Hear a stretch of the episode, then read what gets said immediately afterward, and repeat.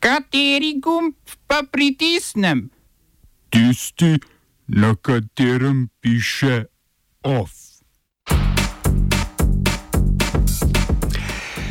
Libijska mednarodno priznana vlada ponovno prevzela oblast nad tremi obaljnimi mesti. Turški parlament sprejel začasno izpustitev 45 tisočih zapornikov.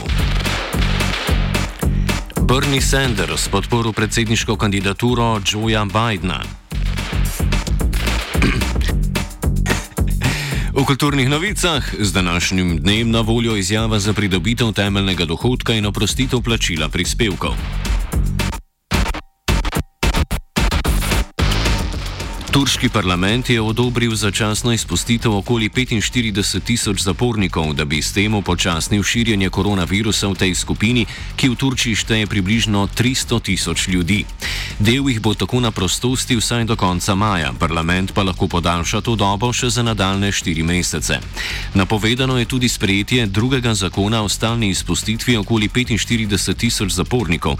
Kritiki, kot je društvo Amnesty International, pa opozarjajo, da sprejeti zakon med začasnimi začasno izpuščene ni uvrstil nikogar, ki je bil obsojen ali pa je šel v postopku na podlagi obtožnice o terorizmu, torej ljudi povezanih z državnim udarom leta 2016, do katerega ni prišlo. 50 tisoč novinarjev, politikov in drugih kritikov oblasti tako ostaja za rešetkami.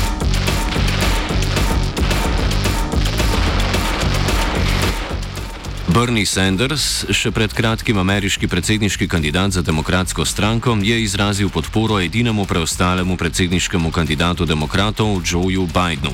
Sanders je aktivno kampanjo uradno prekinil prejšnji teden, njegovo ime pa ostaja na glasovnicah za nadaljnih 15 volitev v zvezdnih državah, ki teh še niso organizirale. V poskusu pridobivanja dosedanjih Sandersovih podpornikov, predvsem mlajših od 45 let, ki so večinsko podprli samo oklicanega demokratskega socialista, lista sta Biden in Sanders oznanila skupno delovanje v času kampanje. Napovedala sta šest delovnih skupin, sestavljenih iz strokovnjakov obeh kampanj, ki naj bi zasnovale skupne ukrepe na področju zdravstva, ekonomije, izobraževanja, klimatskih sprememb, imigracij in sistema kazanskega pravosodja.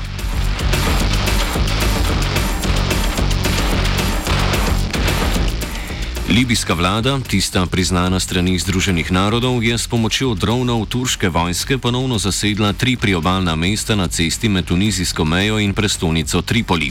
Ta mesta je predtem okupirala vojska kalifa Haftarja, Haftarja, pardon, vojaškega poveljnika, ki nadzoruje vzhodni del države. Ta od lanskega aprila poskuša zasesti prestolnico, na aktualni poraz pa se je odzval z novimi raketnimi napadi na njo.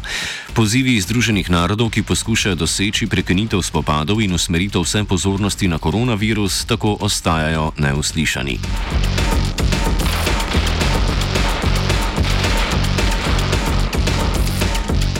Na srečo pa smo odrešeni katastrofičnih prizorov iz Černobila, kjer je dež priskočil na pomoč tamkajšnjim gasilcem pri gašenju požara, ki se je nevarno približal sloviti ukrajinski jedrski elektrarni.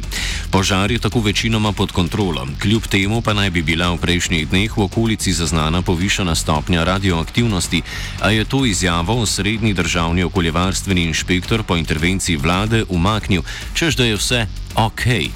Nuklearka Černobil sicer od leta 2000 ne obratuje več, a je tam še vedno ogromno radioaktivnega odpada v takšni in drugačni obliki. Narava je na tem, oziroma narava je na pomoč priskočila tudi bosansko-hercegovskim gasilcem, ki so imeli prejšnji teden veliko dela. Najhuje pa je bilo nad mestom Tuzla, pri čemer se pojavljajo ugibanja, ali je šlo za potaknjen požar. Na nazadnje ob zmanjšanem nadzoru o povečani nezakoniti sečni poročajo tudi z Hrvaške. O situaciji v Bosni in Hercegovini govori novinar Aydin Kamber. Veš, otprilike ovo doba koronavirusa, kada su mediji i ljudi generalno poprilično zauzeti tim pitanjem i situacijom po pitanju koronavirusa, a istovremeno dakle gore. Uh, to nije prvi put da se tako dešava. Imali smo sličnih iskustava i ranije i posebno što u Bosni i Hercegovini ta, to svo područje nije baš dovoljno zakonski regulisano, pa su moguće mnoge manipulacije, zloupotrebe i krađa prirodnog bogatstva. Ekolozi i brojna druga udruženja, aktivisti i slično upozoravaju da se vrlo često to radi namjerno, odnosno da se šume namjerno uh, pale kako bi uh, ta neka šumska drvna industrija imala koristi. Iz više razloga se pali, jedan od razloga je to da se prikriju već dosadašnje krađe, dakle ako su ostali palnjevi ili drugi ostaci, onda se jednostavno paljenjem tog područja prikriju tragovi, dokazi i slično. A drugi način je da se zapali šuma i e, bez obzira što je izgorjela, neki njeni dijelovi su i dalje iskoristili, tako da ta šumska drvna industrija dobije prilično jeftino, čak i besplatno to područje na korištenje.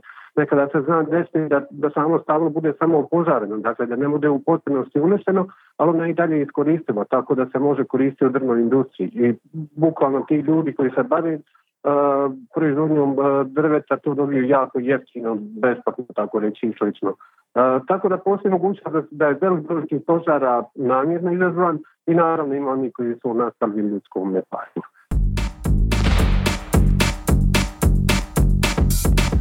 Izraelski predsednik Ruven Rivlin je po včerajšnji zavrnitvi le uslišal prošnje voditelja modro-belega zavezništva Benja Ganca o podaljšanju mandata za sestavo vlade. Ganc in Benjamin Netanjahu imata tako še dobra dva dni za sestavo vlade narodne enotnosti. Rivlin je mandat za sestavo podaljšal, saj Ganc in Netanjahu, sicer do nedavnega zaprisežena nasprotnika, trdita, da sta blizu dogovora o vladi, ki bi prekinila politično krizo, ki je v enem letu pripravljena prinesla že tri predčasne volitve.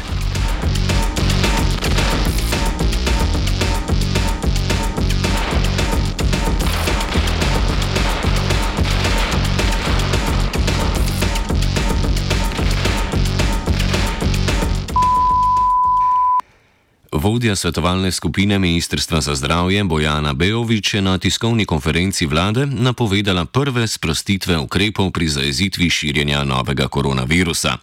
Te naj bi bile osredotočene na življensko pomembne dejavnosti in omilitev gospodarske škode.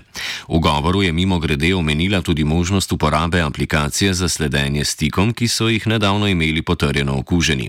V Sloveniji imamo po njenih besedah malo usposobljenega kadra za sledenje širitvi virusa, zato si veliko obeta od podpore, ki jo lahko nudi sodobna tehnologija. Po njenih besedah tako epidemiološki službi ni treba iskati stikov s poizvedovanjem. Slovenija ni edina, ki v tehnologiji išče rešitve za sicer netehnološki oziroma družbeni problem. V Belgiji in na nizozemskem tako različne skupine opozarjajo, da je pred sprejetjem aplikacije treba raziskati vse možnosti sledenja širjenju okužbi brez uporabe tehnologije in razmisliti tudi o tem, kaj to vrstna aplikacija pomeni za tiste, ki tehnologije pametnih telefonov ne uporabljajo. Poleg tega mora biti nedvoumno navedeno, kdo ima dostop do podatkov, kakšne podatke se zbira in kako dolgo. Kot ena od možnosti se trenutno kaže evropska aplikacija Pan-European Privacy Preserving Proximity Tracing. Med podizvajalci tega projekta je navedeno podjetje, ki ima sedež v Izraelu in deluje tudi v Združenih državah Amerike. Morda bi bilo bolj smiselno raziskati možnosti novih zaposlitev in dodatnega izobraževanja tistih, ki bi lahko na terenu nadomestili kader, ki nam ga primankuje. Pri epidemijah namreč ne gre le za zdravnike.